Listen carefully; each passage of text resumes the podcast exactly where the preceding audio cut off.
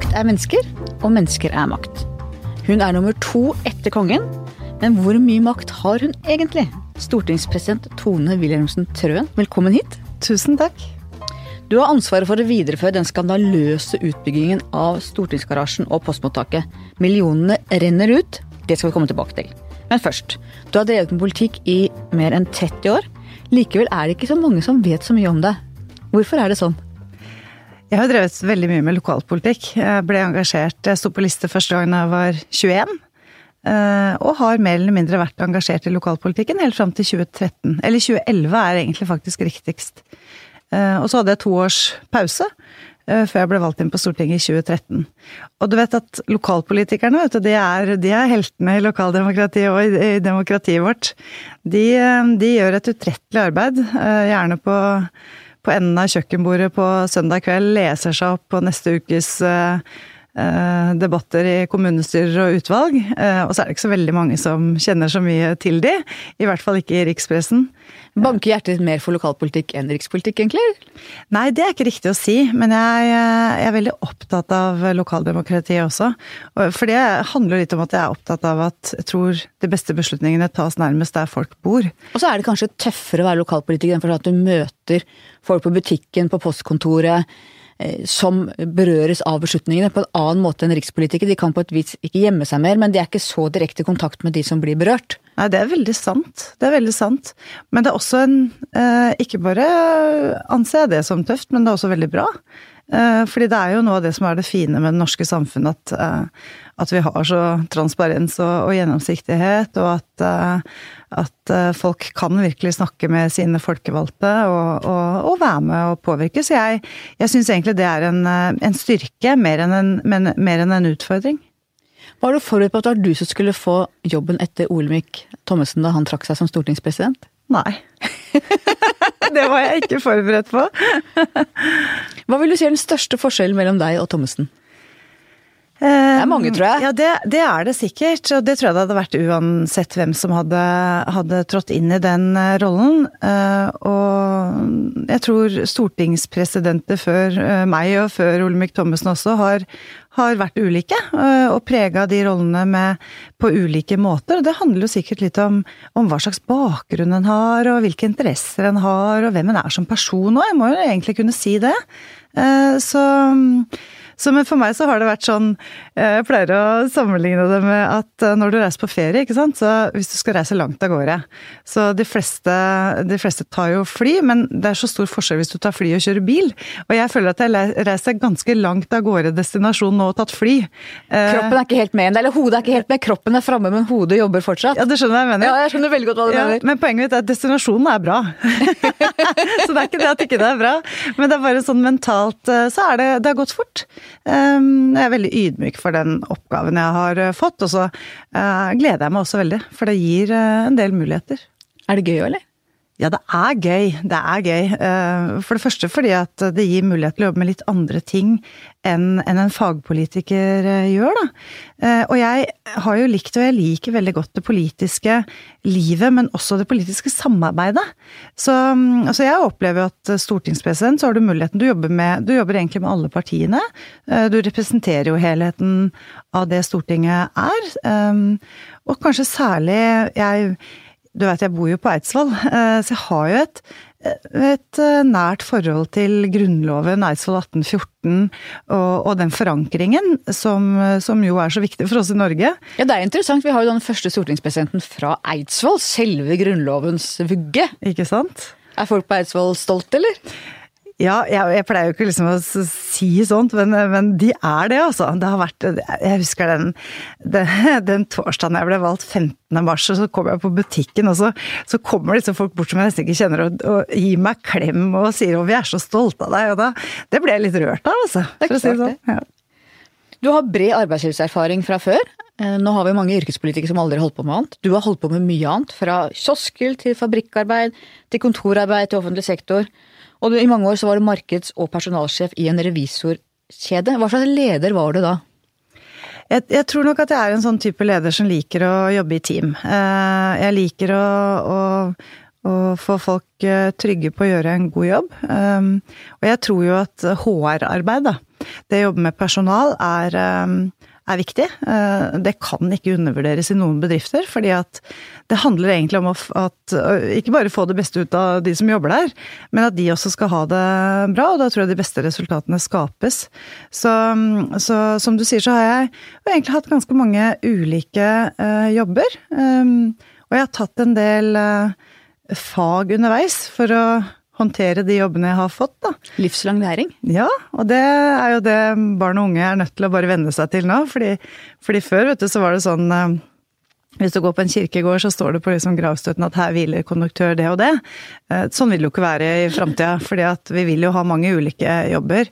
Og vi vil bare måtte, og barn og unge særlig, vil måtte ha en evne til å omstille seg og til å lære nye ting. Det tror jeg bare er noe som Det ligger i vår, vår, vår samfunnsutvikling nå. Og du gjorde det som 42, så skiftet du retning helt. Du hadde tapt valget som ordførerkandidat i Eidsvoll og måtte ta noen viktige livsvalg. Og du er egentlig utdannet sekretær, men ble da, begynte på sykepleierskolen i 2008. Hvordan opplevde du å komme tilbake til skolebenken din og ta en sånn lang høyere utdannelse? Det var egentlig noe jeg hadde hatt lyst til veldig lenge. Um, for jeg gifta meg veldig tidlig. Jeg gifta meg da jeg var 21, og så fikk jeg den første sønnen min da jeg var 23. Uh, men hadde nok egentlig alltid på en måte da, savnet å ta uh, mer utdanning, selv om jeg ikke ville bytte det jeg hadde heller. Um, så, uh, så var det en del forhold som gjorde at jeg, at jeg begynte på sykepleierutdanningen. Um, jeg var fortsatt politisk aktiv, så jeg ga meg ikke før i 2011. Det var da jeg var ferdig utdanna sykepleier. Eh, men jeg, eh, jeg, hadde vært gjennom en ganske tøff eh, personlig periode, hvor jeg hadde vært veldig syk. Jeg hadde en sykdom som heter ulcerøs kolitt, som er en sånn tykktarmbetennelse. Og i 2005 så hadde jeg i et par år vært så dårlig at jeg ikke kunne jeg, hadde, jeg kunne rett og slett ikke bevege meg mer enn 15 sekunder unna et toalett. Jeg kunne ikke gå i fjell, jeg kunne ikke fly. Og så ble jeg operert og ble frisk. Jeg fikk liksom på en måte livet tilbake da de fjernet tykktarmen. Og da Det høres ut som det, men det var for meg et sånt øyeblikk hvor jeg tenkte at hvis jeg skal gjøre noe, uh, hvis jeg skal gjøre noe av det jeg har hatt lyst til lenge, så tror jeg det er nå jeg skal gjøre det. Så da, da startet jeg liksom prosessen med å tenke at uh, jo, nå skal jeg ta utdanning. Um, og så brukte jeg litt tid på å finne ut hva jeg skal gjøre. Og så søkte jeg å komme inn på sykepleien og begynte der i 2008. Og det var, det var, både fordi at jeg hadde lyst på et yrke som jeg både hadde ansvar i, men kunne jobbe med mennesker i. Så noen trodde jo, og jeg trodde nesten sjøl også, at jeg kanskje skulle gå på BI og fortsette dette med personalledelse, personalansvar, HR-arbeid. Og så Nei, så var det noe som sa meg at nei, det, det skal jeg ikke. Jeg skal jobbe litt mer med mennesker. Og så kanskje historien også. Eh, kanskje greit å si at sønnen min begynte på BI i 2008. Så han hadde ikke lyst til å mora si som medstudent, nei, på studentfestene. Kan jo tenke at det Med mor på bar? Jeg tror ikke han hadde likt det i fadderuka, liksom. Å være der sammen med mora si.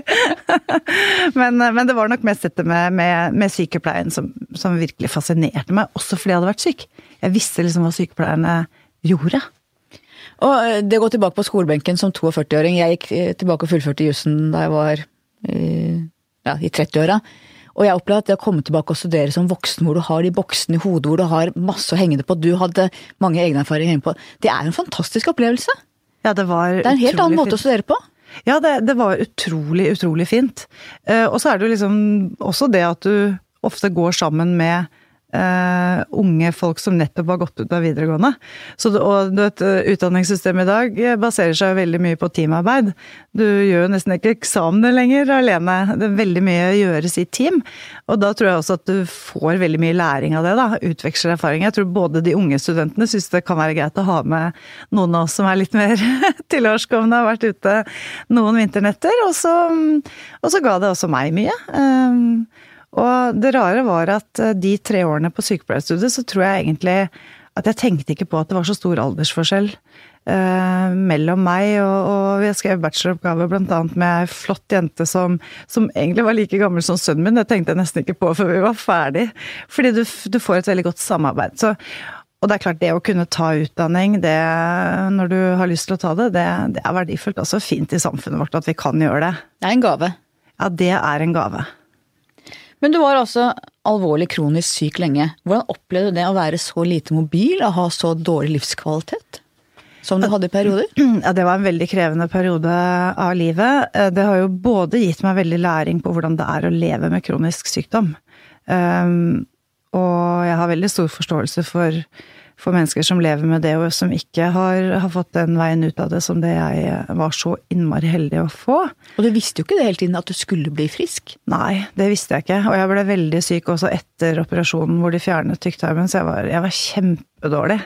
Uh, og da får du virkelig perspektiv på ting, altså. Uh, og det er klart at det, det er noen år som jeg tenker tilbake på hvor hvor jeg tenker at jeg hadde ingenting å glede meg til. Og de fleste av oss trenger det. Vi trenger liksom noe å se fram til, noe som er et lyspunkt, om det er en Ja, det kan være de enkleste ting, og, og det følte jeg liksom at livet mitt var helt grått, da. Jeg orket jo ikke engang å feire venners uh, bursdager og, og, og, var kjempesliten. Jeg, jeg, jeg, klarte å jobbe. Så jeg hadde fantastisk arbeidsgiver i de årene hvor jeg var mest syk. Eh, på Eidsvoll. Jeg jobba med kulturbasert næringsliv på Eidsvoll Verk. Eh, og hadde kontoret mitt rett overfor toalettet. Så jeg hadde liksom fullt mulighet til å, til å klare å jobbe, men det var også egentlig det jeg klarte. Så det er klart at det påvirket også familien min, uh, ungene mine og, og, mannen min, som, som, måtte ta i ekstra tak de årene. Og hva er verst, å leve med usikkerhet eller å leve med på en måte mørke? Nei, det er nok, eh, det er nok eh, begge deler. Altså, jeg tror, jeg tror man ikke helt forstår det før man har vært der. Eh, og forstå hvor Jeg tror de fleste av oss kan tåle å være syke hvis vi visste når vi ble friske. Men jeg tror det er det, det at du ikke helt vet. Det at du ikke helt vet, hva som ligger foran deg. Vil jeg aldri kunne Vil jeg aldri kunne gå en skitur igjen? Vil jeg aldri kunne være den jeg egentlig var? Og noen må jo leve med det. Og det har jeg utrolig stor respekt for. Eh, og jeg tror jo også at det at jeg gjorde et annet valg, at jeg tok et sånn slags oppgjør, eller hva skal jeg si, det er jo ikke riktig å kalle det et oppgjør, men at jeg bestemte meg for å ta utdanning, det handla litt også om at jeg liksom plutselig at jeg hadde fått helt nye muligheter. Jeg hadde, jeg hadde egentlig fått livet litt tilbake. Og mannen din på 40-årsdagen så leide han inn Jahn Teigen? Det var ikke tilfeldig hvilken sang han sang? Nei, det var optimist, da. Så det var fint, altså. Det var kjempefint. Det, det, var Det var jo også Da hadde jeg stomi. Eh, jeg hadde gått 30 kilo. Jeg var eh, egentlig ganske pjusk. Eh, men, men jeg, da skjønte jeg, og det var på det tidspunktet jeg skjønte at dette kom til å gå bra. Og at jeg kom til å, å kunne leve så normalt som jeg håpet igjen, da. Så det er klart at eh, det, det husker jeg tilbake på som en veldig spesiell kveld. Og da feira jeg med Da hadde vi jentefest, da. Så den eneste som fikk lov å komme, var mannen min og eldste sønnen min og noen kamerater som var med og serverte. Ellers så var det skikkelig dameparty, og det var, det var girl power. og fra denne perioden, hvilke erfaringer har du tatt med deg inn i politikken? Hvordan har dette formet ditt politiske virke, det du har opplevd? Du tenker det med sykdom og sånn? Ja. Det har gjort meg veldig oppmerksom på um, at um, vi har et særskilt ansvar for å, for å se alle. Um, og det er klart, sånn som i politikken så er det, det er mange sterke pressgrupper. Uh, høringer vi har f.eks., så er det jo veldig mange organisasjoner som kommer, som representerer mange av sine medlemmer. Eh, og som gjør en kjempeviktig jobb. Så det å lytte til, eh, til de som har skoene på og vet hvor den trykker, det å Men også det å huske at det er noen der hjemme som ikke orker å gå i fakkeltog. Det er noen som ikke orker å ringe en politiker for å fortelle 'vet du hvordan jeg har det nå', egentlig. Eh, det å prøve å huske på, på det. Og minne oss på at vi egentlig alle er ganske sårbare, og at den den, det er en skjør og hårfin balanse mellom, mellom å liksom fungere 100 og kanskje ikke fungere i det hele tatt. Den er der egentlig for oss alle sammen. Og så er det jo alltid sånn at ja, du kan liksom ha fysiske utfordringer, men det blir på en eller annen måte en psykisk og mental utfordring også. Fordi at det, det gjør noe med hele deg og tilværelsen rundt deg. Sånn, så jeg, jeg har hatt veldig respekt for det. Det prega meg nok også litt at jeg tok sykepleien, rett og slett.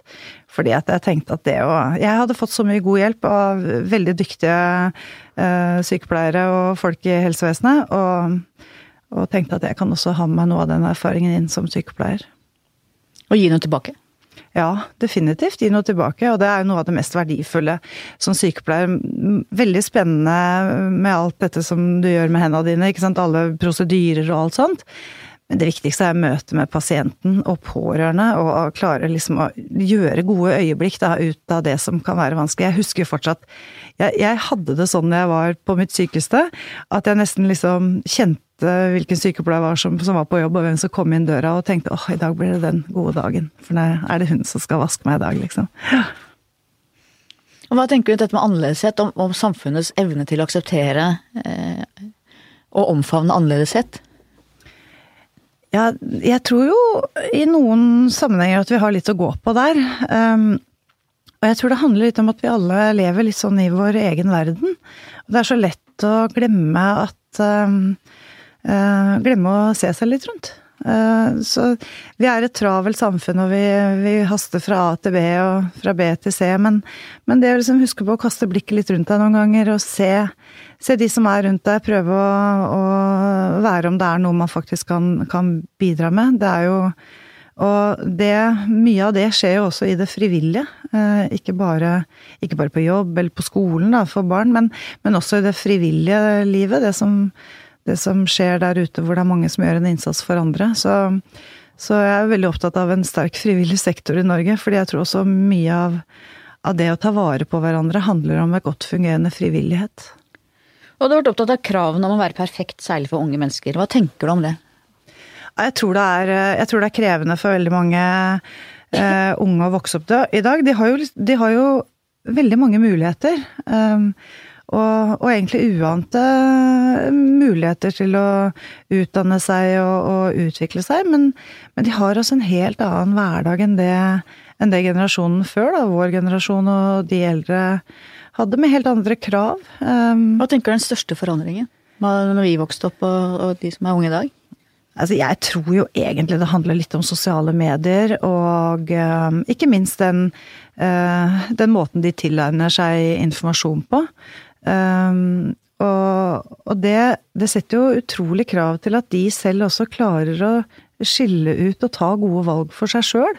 At, uh, at det, det, er veldig mye bra med blogger og med Instagram og alt sånt, men at, at det ikke er hele bildet. De ser på en måte fasaden til de andre og sitt eget liv, og ser ikke at, det de, at de kanskje har en fasade som andre blir depp av å se på fordi de føler at de andre er perfekte. De ser hverandres det bildet de ønsker å skape, ikke det de faktisk er, da. Ja, det er helt riktig. Det, men det opplever jo du og jeg også. Det tenker jeg også litt på, sånn som i påsken eksempel, så tenkte jeg på det. La ut bilder av deilig skitur, ikke sant, med, med appelsin og, og Kvikk Lunsj og sånn. Og så, og så tenkte jeg likevel litt på at det er jo en Det kan jo være en sånn show-off. At det, det, er så fint jeg har det i påsken. Så, så, men vi er nå tross alt voksne, da, som skal kunne klare å skille ut det, kanskje, å, å sette det i et visst perspektiv, da. Men jeg, jeg, jeg, tror vi alle har et ansvar, egentlig, for å tenke litt på det. Fordi det er klart, alle disse flotte feriebildene, eller alle, alle bildene av hvor perfekte livet vi lever, det, det er ikke like enkelt å håndtere hvis du hvis du av en eller annen grunn ikke kommer deg ut av din egen eh, stue. Din oppvekst. Du har vært ung du òg. Fortell om oppveksten din. Jeg er jo nesten per definisjon vokst opp på et teglverk. Eh, på det lille stedet Haga. Eh, der var Alna teglverk, som egentlig kommer fra Alnabru her i Oslo, var hjørnesteinsbedriften, og faren min jobba der. Han var fabrikksjef? Ja, han var det. Til slutt, da. Vi flytta fra Bærum, jeg er født i Bærum, og så flytta vi til Haga rett før jeg fylte fem år. Da prata jeg veldig pent sånn uh, bærumsk, og min beste barndomsvenninne Nina, da, som jeg møtte da, hun var livredd for denne byfrøkna som kom og det første jeg fortalte henne var at jeg hadde gått i musikalsk uh, familiebarnehage, og det hadde hun aldri hørt om. Hadde aldri hørt om barnehage heller, tror jeg. Men så hadde jeg en veldig god, god oppvekst på Haga. Um, var aktiv sånn som alle unger er, drev med flere typer idretter. Eh, og var i speideren og jeg hadde egentlig en utrolig god oppvekst med foreldre som hadde fått meg som attpåklatt. Så jeg har to eldre søsken. Søsteren min er 14 år eldre enn meg, og broren min er 17 år eldre enn meg. Eh, så de hadde nesten per definisjon flytta hjemmefra når jeg vokste opp. Du var litt enebarn nesten, du da? Ja, jeg var egentlig et enebarn, altså. Jeg var det. Og hadde jo da foreldre som, eh, som De fortalte i hvert fall at de hadde fått meg fordi de ikke hadde lyst til å eh, være alene så mange år. Det kan jo De lever ikke lenger, så jeg har egentlig ikke fått spurt om det er helt sant, eller om jeg var planlagt. Men, men, men jeg hadde en veldig god oppvekst, og egentlig med litt sånn reserveforeldre også av, av eldre søsken som jo da gifta seg og fikk barn som nesten er like gamle. Eh, mine nevøer og nieser er jo nesten like gamle som, som meg. Eh, og så har jeg også vokst opp i et hjem hvor eh, hvor jeg alltid har fått Og det har nok prega meg. Jeg har alltid fått liksom troa på at jeg kan få til det jeg har lyst til. Så det er jeg veldig glad for.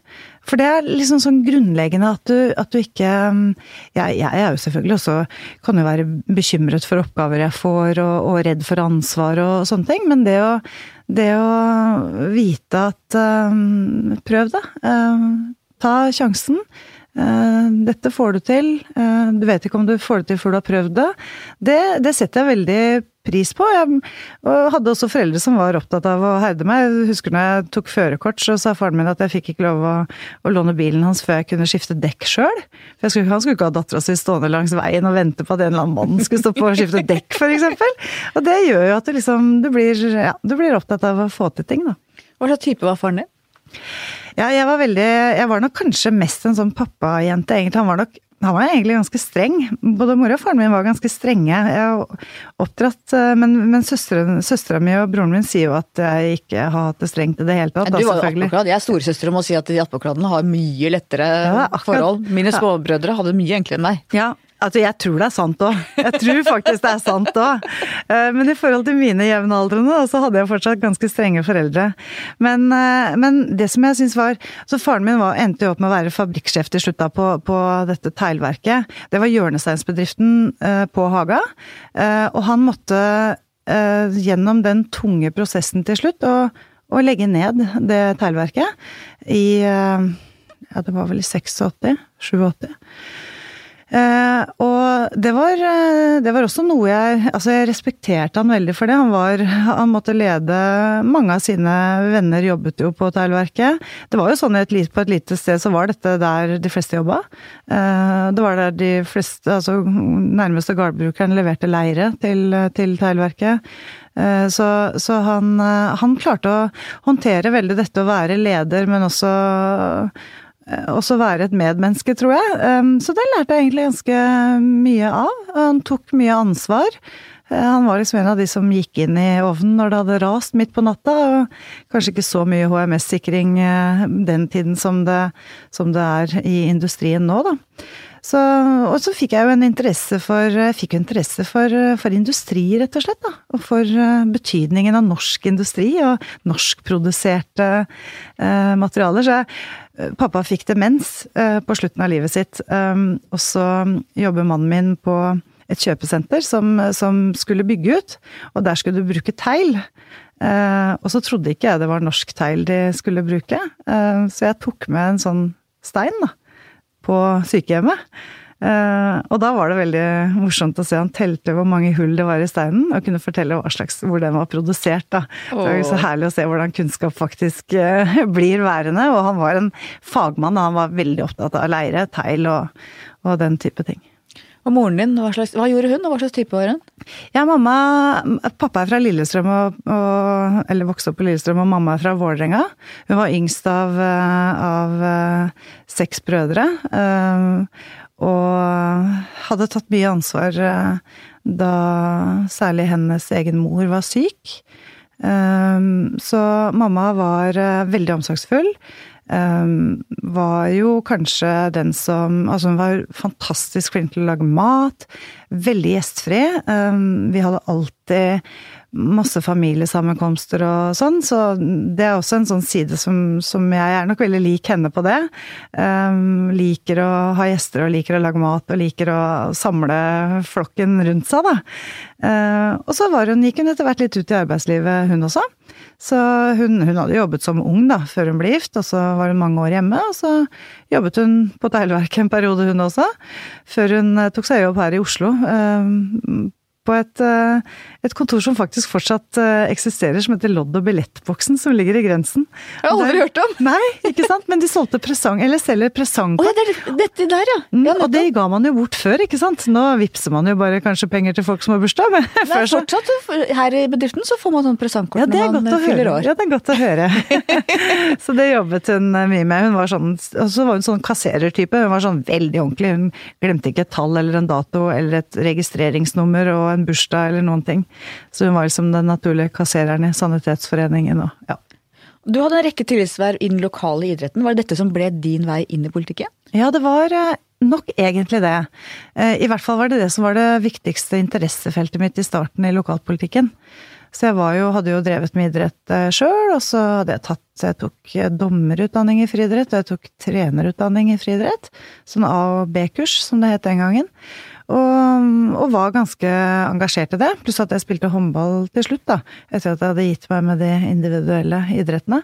Så, så idrett var nok en del av eh, det som engasjerte meg. Første innlegget mitt i, i kommunestyret i Nes, da, det handlet om treningsfasiliteter.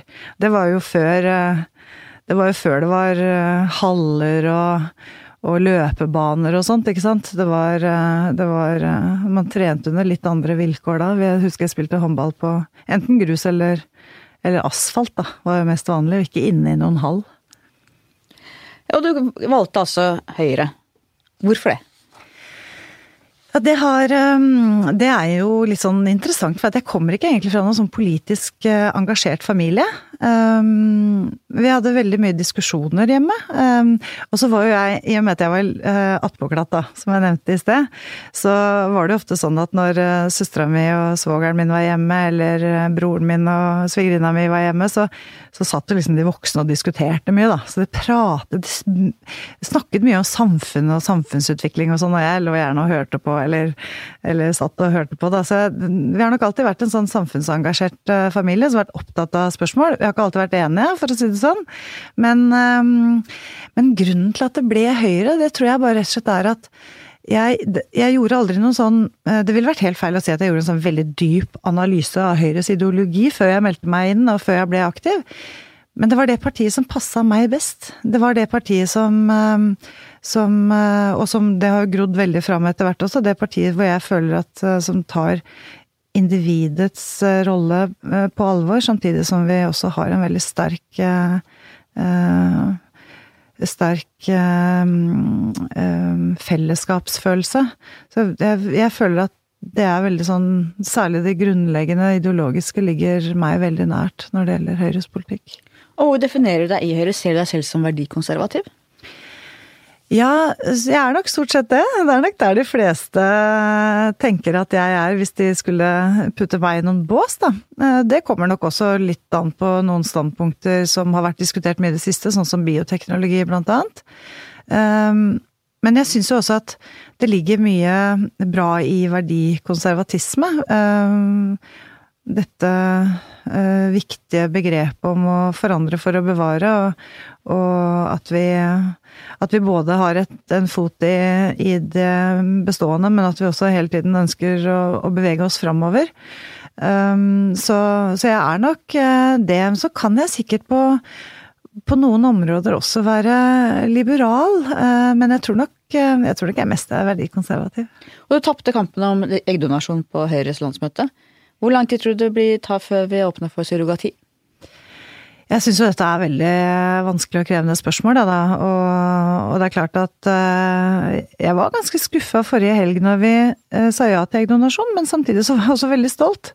Jeg er veldig stolt over at, å tilhøre et parti som virkelig har diskutert det grunnleggende. Det var, ikke, var ingen enkel avgjørelse, det var ikke et strekpunkt i et stortingsprogram.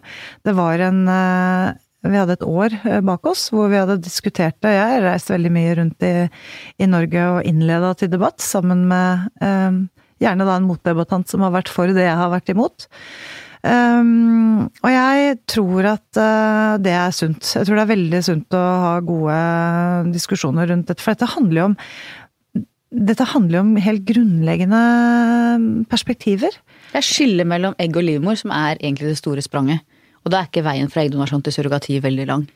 Nei, og det er klart at det er, en, det er et eh, spørsmål også som eh, blir diskutert mye mer hyppig nå. Det er ikke mange år siden, kanskje bare ett eller to år siden, som Eh, som jeg i debatter kunne si noe av det som du nettopp sa. Altså, eggdonasjon er egentlig å flytte et egg fra en kvinne til en annen kvinne. Det kan ikke naturen gjøre. Der er det et skille også mellom sæddonasjon og eggdonasjon. Men, men og da husker jeg for et par år siden så ble mange veldig provosert. At jeg liksom sammenlignet det med surrogati. Nå er det plutselig også mer eh, legitimt å, å, diskutere det i samme sammenheng. Eh, men jeg tror allikevel at surrogati reiser en del andre spørsmål også. Det reiser jo både spørsmål knyttet til eh, den kvinnen som skal bære fram det barnet, men ikke Altså ikke være mor.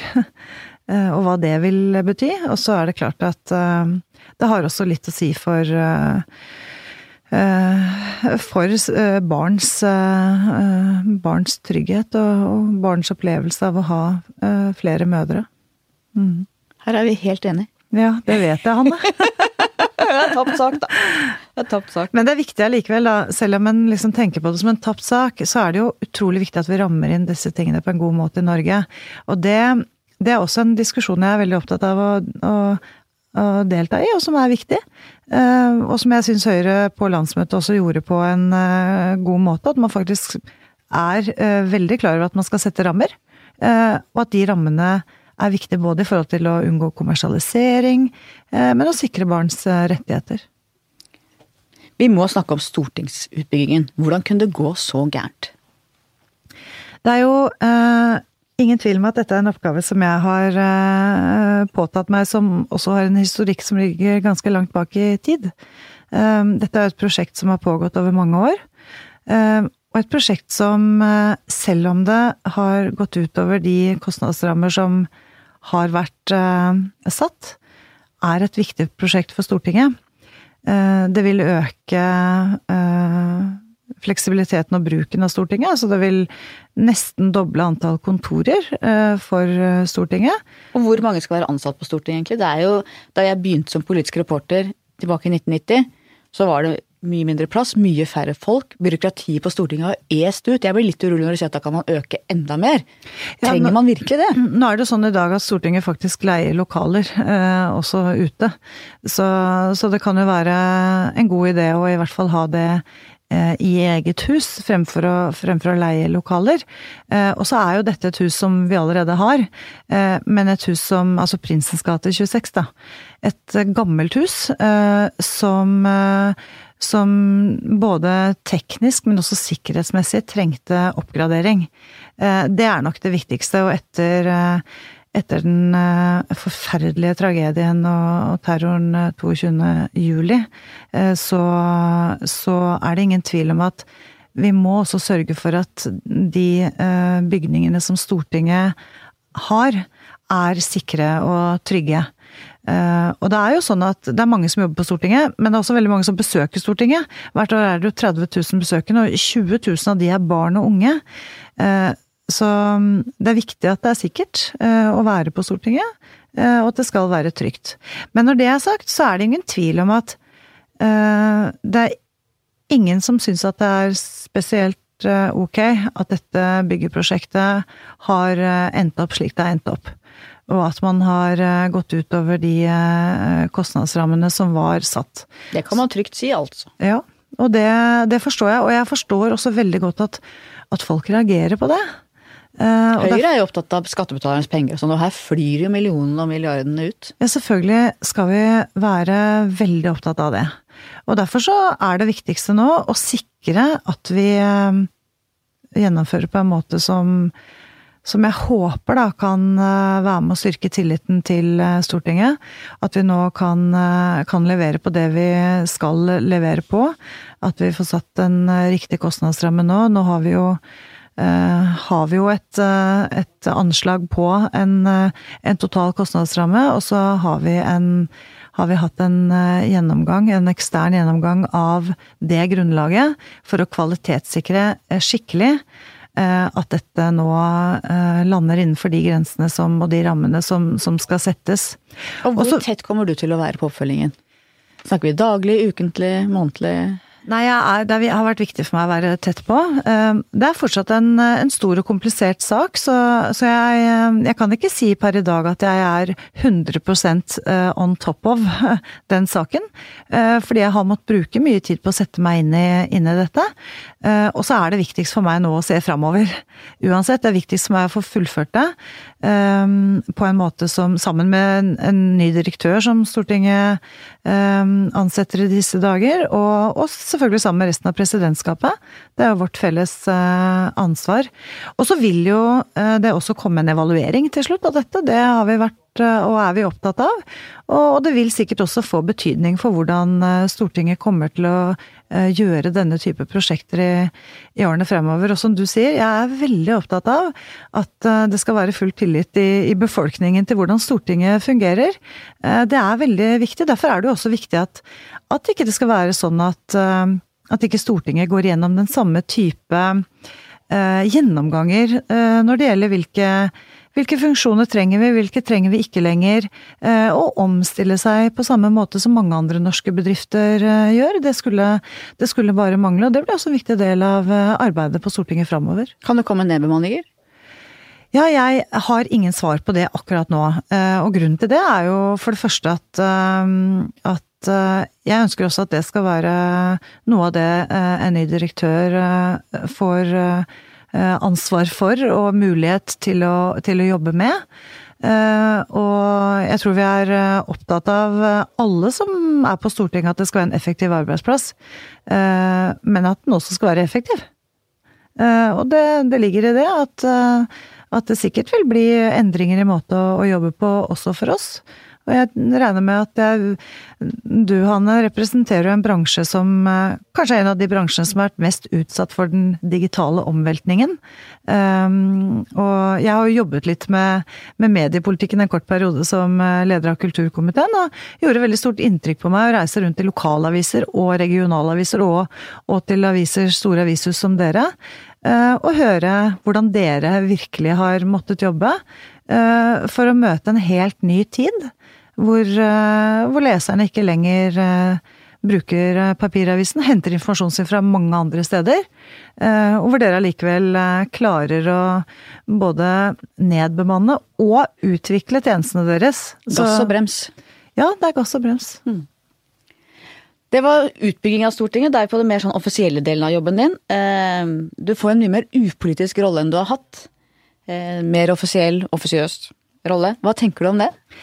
Ja, det Jeg måtte tenke litt, faktisk, når jeg fikk spørsmålet fra, fra gruppelederen min, da, Trond Helleland, om jeg, om jeg, ville påta meg denne oppgaven å være Høyres eh, eh valg, valg, da, eh, på dette, så måtte jeg tenke meg litt om, fordi at jeg er veldig glad i politikken. Um, og jeg visste jo at det var en mindre politisk aktiv uh, rolle. Um, men når jeg først hadde tenkt meg litt om, så, så Eh, ble jeg jo også fascinert av de mulighetene det gir. For det gir jo også en mulighet til å jobbe med andre eh, ting. Eh, for eksempel jeg som, som jeg sa i stad, er opptatt av det sterke, gode demokratiet vårt. Og at det er Det er så lett å ta det for gitt at, eh, at, det fungerer. Eh, og det er så lett å, å, ta for gitt at ikke det er noe som truer demokratiet vårt, men det, det er jo egentlig det hele tiden. Og det, det, som kanskje truer det, eller kunne true det mest, er jo hvis vi ikke klarer å engasjere de barn og unge som vokser opp nå, til å være like opptatt av ytringsfrihet og like opptatt av de demokratiske prosessene, og ikke minst deres, eh, deres mulighet til å være med å påvirke.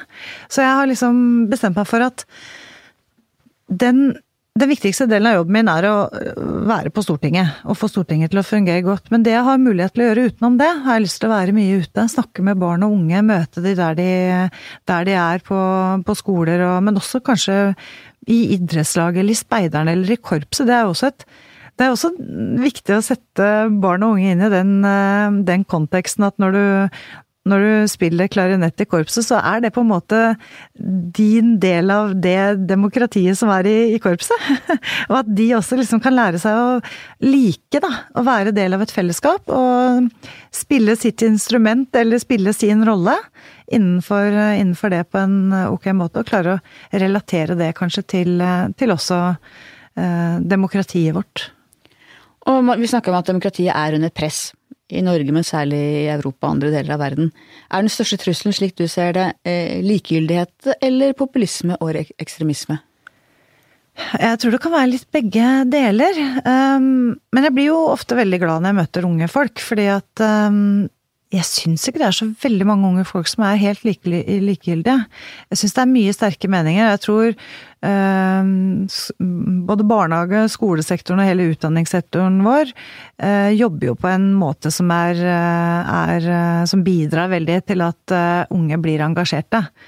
Um, men jeg tror det er, det er også litt sammensatt. Altså jeg, jeg Litt sånn tilbake igjen til medienes rolle også, for jeg vet at dere er opptatt av at um, det er viktig å uh, At barn og unge og alle vi som er innbyggere, henter informasjonen vår også fra, fra flere steder. Men at ikke vi Og at vi, at vi faktisk ikke ensidig bare henter det fra, fra liksom det som tilfeldigvis dukker opp i feeden, om det måtte være på Facebook eller Instagram eller Twitter eller hva det er, men at vi klarer å engasjere sånn at vi faktisk sørger for at, at folk får det brede bildet. Og det er kanskje noe av det som bekymrer mange mest. At eh, det er fort gjort at vi blir litt sånn snevre i den informasjonen vi får. Alle sammen, egentlig. Eh, og det, der spiller jo dere en viktig rolle. Eh, der spiller vi en viktig rolle som politikere. Vi har også et stort ansvar for å faktisk gjøre politikken interessant, da. Jeg tenker jo mye på det også, som du sier, på vårt ansvar. Ja. For å formidle på en ålreit måte og for å, å, nå fram til mange. Ja, og det, det tror jeg vi, det, det, er veldig, veldig viktig. Og så er det viktig at vi klarer å fortsatt dekke hele Norge, hvis du skjønner hva jeg mener. Når jeg begynte i lokalpolitikken, så satt jo tre, tre journalister sant, fra tre aviser på Helse- og omsorgsutvalget sitt møte. Fordi de var opptatt av å dekke det. Og det er jo, det er jo egentlig like viktig i dag. Og tenk i Oslo, det fins ikke Det fins ingen avis som dekker Oslo bystyre ordentlig. Altså, selv Oslo blir ikke ordentlig dekket og ordentlig holdt i øra, makta der, og det tenker jeg at det er bekymringsfullt. Du har Østlandssendingen, men de favner videre, og det er ikke noe sånn vaktbikkje i Oslo bystyre. Nei, jeg, tror mange, jeg tror, det er mange, lokalpolitikere som føler gjerne at de skulle at, at, det de sier eller de debattene de har, hadde blitt eh, mer kjent. Men vi har jo også et ansvar, da for å, for å bidra til det som, som, politikere. Og så er det klart at vi, vi, må jo håpe at, at, ikke alt bare baserer seg på hvor mange klikk en artikkel får. For da sliter vi litt, tror jeg, med, med bredden i, i nyhetsbildet. Uh, selv om jeg selvfølgelig har veldig respekt for at en avis skal selge, eller at et nyhetsmedie skal, skal selge. Eh, men vi må også klare å fylle innholdet i, i politikken som gjør det interessant. Da. Og så har vi jo andre plattformer å nå ut på også, selvfølgelig. Så det er et viktig arbeid. Nei, jeg tenker jo En av grunnene til at jeg er så glad i VG, er jo nettopp at vi er miksen. At vi er både tunge og det lette. At vi er eh, en miks som gjør at man kan få med seg skal både storklikkerne og det litt tyngre, da. Ja, og så tror jeg jo at leser, eh, leser, lesehverdagen er veldig ulik, da fra generasjonene også. For for meg er det helt, eh, det er jo helt uaktuelt nesten å ikke lese min lokalavis Eidsvoll Ullensaker Blad samtidig som jeg leser VG hver dag. Eh, men det er jo ikke sikkert at, eh, at det er sånn for sønnene mine. Det er jo ikke sikkert at, at de er så opptatt av å få med seg de lokale nyhetene. Eh, og det også har jo litt å si for bredden i mediemangfoldet, da. Og det vet jeg jo at det jobbes mye med. Eh, det, er jo en egen, eh, det har jo vært eget, en egen NOU om mediemangfold, og som skal følges opp. Så Det er en viktig del av demokrati. Dere er en viktig del av vårt demokrati. Det er, det er helt sant. Utviklingen i Europa når det gjelder populisme, ekstremisme, hva tenker du om det vi ser? Ja, en kan jo bli eh, litt eh, bekymra for det, og så tror jeg det viktigste vi kan bidra med, er eh, både å være et sterkt og åpent demokrati sjøl, og utveksle erfaringer med, med andre. Ehm, akkurat i dag har jeg hatt besøk av eh, noen unge entreprenører i et sånt Norge-Ukraina-samarbeid. Eh, og det var veldig interessant. Det var ungdom. Eh, men også unge folk som var i arbeid, da. Både i Ukraina og i, i Norge. Og, og da snakka vi ganske mye om det. For de, særlig de fra Ukraina, var jo spente på liksom, hva, er det, hva er det viktigste og hva er det beste ved det norske demokratiet. Og det å faktisk utveksle erfaringer på tvers av av landegrenser eller parlamenter er viktig, altså. For, eh, for, det er jo mange andre land som er litt eh, Som har en vei å gå i forhold til sitt reformarbeid og bygge, bygge sine, sin demokratiske plattform. Så um, jeg tror Norge har mye å bidra med også utad. Jeg har jo ikke jobbet så veldig mye internasjonalt som stortingspolitiker. Jeg jobba jo med helse- og omsorgspolitikk i første periode, og så jobba jeg med familie- og kulturpolitikk til jeg ble president. Så, så for meg er også dette en litt sånn ny del av min hverdag, å se litt mer ut. Og det, det er spennende. Og Hva tenker du da om menneskerettighetenes eh, plass, vårt forhold til Den europeiske menneskerettighetsdomstolen i Strasbourg, norsk høyesterett, forholdet mellom nasjonale selvråderetten og de internasjonale forpliktelsene? Det ligger jo der som en sånn eh, smertepunkt i norsk politisk liv, og et veldig interessant felt. Ja, og det, for å være helt ærlig, dette er også et felt som jeg trenger å, å, å sette meg godt inn i. Um, det er nytt for meg å jobbe mye med, med disse spørsmålene. Um, det er veldig, veldig spennende. Eh, å jobbe med det. Og det er også spennende å jobbe med, med andre typer samfunnstemaer som, som, vi egentlig tar litt sånn for gitt i Norge også. Dette med et mangfold, blant annet. Altså at vi er At vi sikrer at eh, at alle har rett til å bli hørt, at vi, at vi, også sikrer likere muligheter for alle. Og jeg tror på mange områder har Norge kommet veldig langt. Um, på likestilling, på likebehandling og Eh, og sånt. Men det er klart det er mange andre land som, eh, som har en lengre vei å gå. Eh, men en del av disse spørsmålene trenger jeg også litt tid på. Det var den der metaforen i stad med å ta fly og kjøre bil. Og jeg trenger, jeg trenger å, å, bruke litt mer tid på en del av disse viktige spørsmålene. Og sette meg godt inn i det. Men jeg gleder meg veldig til å jobbe med det. Forholdet mellom ytringsfrihet og religionsfrihet, hva tenker du om det? Ja, jeg er veldig opptatt av religionsfrihet og mener at det er en helt grunnleggende menneskerettighet. Um, uh, og jeg er også veldig opptatt av at uh, vi må vokte oss veldig for å um, styre uh, mange av disse um, Altså, vi må, vi må sikre at Vi må sikre begge deler. vi må sikre at vi at det er full frihet for å, for å tro på det du vil. Eh, og allikevel at, eh, at ytringsfriheten står veldig sterkt.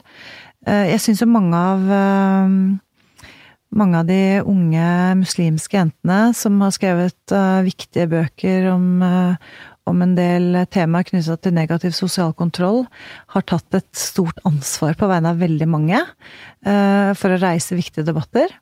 Og så tror jeg også at mange av Jeg tror mange av de hvis man kaller, det mange av de religiøse miljøene, er veldig interessert i å være i dialog også.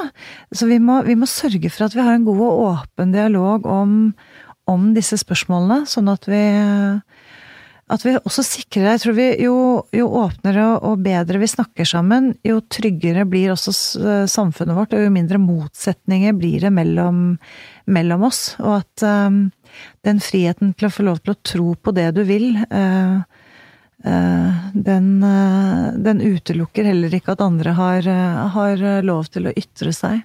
Hva tenker du om karikaturstriden? Ja, hva tenker jeg om den? Jeg, jeg fulgte den jo nøye, og jeg mener det er en utrolig viktig rett å få lov til å ytre seg, om det er verbalt skriftlig, eller om det er som karikatur tegner. Jeg, jeg syns det er viktig. Samtidig så har jeg også respekt for Og det ikke direkte knyttet opp mot den spesifikke saken som du nevner, men, men med at jeg har respekt for at når jeg sier noe, så kan det såre andre. Altså den, den, jeg har en venninne som sier det ganske godt, som sier at det er jo ikke sånn at selv om du egentlig kan si hva du vil, så er det riktig av deg å gjøre det hvis det Altså hvordan mottakeren opplever det, da. At det er veldig sårende. Og jeg er jo opptatt av det mellommenneskelige også, at vi øh, skal skal anerkjenne hverandre, men også ha respekt for hverandre.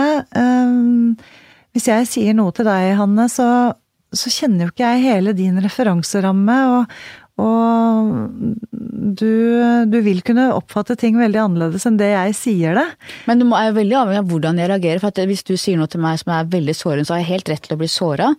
Og jeg har rett til å si til deg at det syns jeg jeg kan si hva jeg vil til deg tilbake. Men idet jeg begynner å true deg med vold, eller faktisk utøve vold, det er det som er problemstillingen, tenker jeg. At det er veldig forskjell på hva man har rett til å si, og hva man bør si. Det er veldig mye man har rett til å si, veldig mye jeg kan si til deg som jeg aldri ville si. Ja.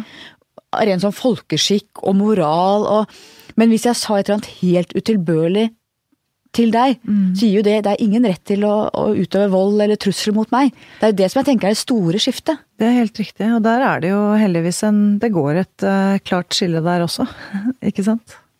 Så, og så tenker jeg også at det handler jo mye om Eh, man må kunne eh, kritisere og til og med krenke ideologier, religioner, tanker. Man kan ikke likestille det med å krenke mennesker. Ikke sant? At man må kunne, har, Vårt samfunn er bygd på religionskritikk og på å mm. utfordre autoriteter, mm. også religiøse autoriteter. Mm. Og det mener jeg man må kunne gjøre med enhver religion. Og at det betyr ikke at man da eh, slår ned på enkeltmennesker som tilhører en religion eller en ideologi. Det er veldig viktig også å skille der. Det er jeg helt enig med deg i, og det, det, det er en viktig verdi i vårt samfunn, øh, syns jeg. Og det må vi hegne om. Integrering og innvandring, hva tenker du er de store utfordringene der? Jeg tror vi har, eh, og som veldig mange andre også mener, mye som kan gjøres på det området. Og jeg tror det aller, aller viktigste er jo å se på det som en utrolig viktig del av den framtidige bærekraften vår for vårt samfunn. Um, og det å Nettopp det med å Hvordan det mangfoldet er med og beriker samfunnene våre.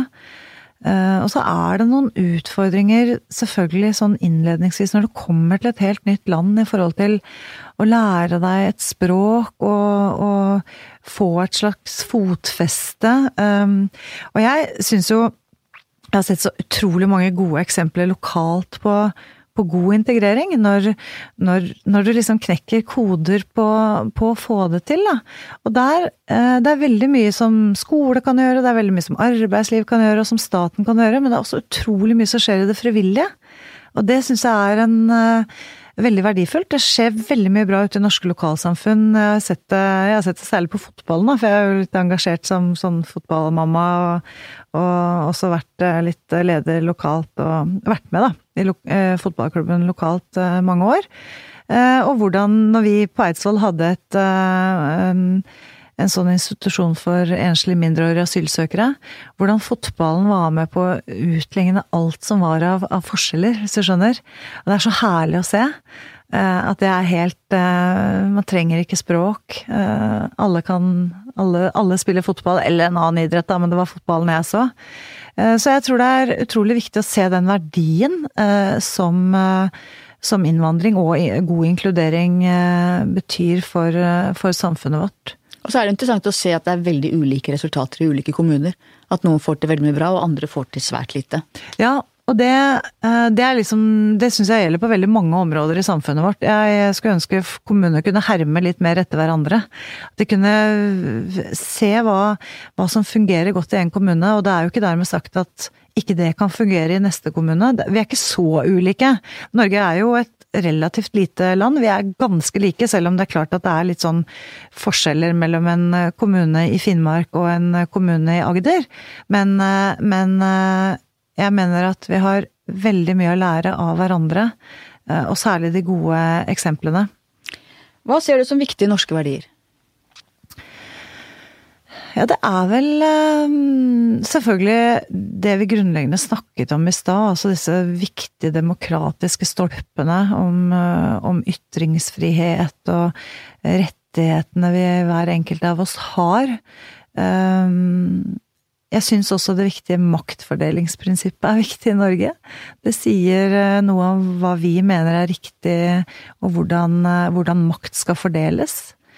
Um, og så blir det jo er det jo vanskelig å komme unna det som er liksom de Det kanskje vi sånn i hverdagen tenker på som verdier, som, som nettopp en sterk frivillig sektor. Um, uh, en, uh, en frihet til å i veldig stor grad kunne leve livet slik du sjøl har lyst til å leve det. Uh, men ikke på en måte som krenker andre, eller går, altså går ut over andre. Eh, jeg syns det er flott i Norge at vi har et veldig sterkt fellesskap, eh, men samtidig gir rom for hver enkelt av oss til å være oss selv. Det syns jeg er kanskje noe av det viktigste. Og hvordan ser du religionens plass i samfunnet vårt? Jeg er jo opptatt av at religion skal ha en plass. Men jeg er også veldig opptatt av at de som ikke ønsker å uh, ha en aktiv uh, tro i sitt liv, skal få lov til det. Jeg syns det er like viktig at vi skal akseptere og respektere hverandre på, på begge sider, hvis man kan si det sånn, da. Men religion og tro er veldig viktig for mange. Er, for mange er det helt grunnleggende. Det som, det som betyr veldig mye for, eh, for de, og da, det er jeg veldig opptatt av at det, det, kan man ikke ta fra et menneske. Og hva med deg selv? Tror du på Gud? Ja. Hva ber du om? Jeg, eh, jeg, spilte salmen eh, 'Jeg er i Herrens hender' ganske mange ganger den 14. mars og 15. mars. Jeg har en egen salmeliste på Det var da du ble valgt, eller ble spurt og tok valget? Det er riktig. Men jeg er ikke Jeg har en Jeg er ikke, jeg er ikke veldig mye i kirken. Eh, og jeg har ikke snakket så veldig mye om min tro. Men når du spør, så, så tror jeg. Det, det, handler nok om at jeg, jeg tror det er, noe, det er noe der som som um, er veldig udefinerbart for meg òg. Hvordan eh, ser du Gud? Nei, jeg ser uh, litt som et farsperspektiv. perspektiv. litt som noe som uh, som er der. Jeg er jo veldig opptatt av rettferdighet, og jeg tror sånn at the end of the day, som det heter på engelsk, så er det noe med at det er en, det er en helhet uh, rundt, uh, rundt, livet vårt, da. Jeg husker jeg hadde en sånn periode da jeg var ung. Jeg tror jeg ganske mange har en sånn litt sånn eksistensiell periode hvor jeg liksom ikke helt skjønte hva Hvorfor er jeg her, og hva min lille, mitt lille liv, hva betyr det, denne store sammenhengen? Jeg blir veldig sånn fascinert når jeg leser sånne bøker, sånn Dan Brown sine bøker om sånn uh, Hvor du uh, settes inn i som en bitte liten prikk på et veldig, veldig svært lerret. Så jeg, jeg, tenker vel at for meg har det i hvert fall vært viktig å, å ha en sånn grunnleggende eh, tro, da. Men, eh, men jeg er ikke Jeg er som sagt ikke veldig mye i kirken, men de gangene jeg er der, så er det Får jeg litt sånn eh, ro. Så fint. Til slutt, mitt faste spørsmål. Hva skal bli historien om deg? Tone Trøen, det var hun som Fikk barn og unge i Norge til å digge demokratiet. Dette skal jeg heie på. takk skal du ha. Tusen takk for at du kom. Bare hyggelig. Takk til deg som hørte på. Takk til researcher Grete Ruud og vår faste produsent Magne Antonsen. Vi høres igjen neste uke.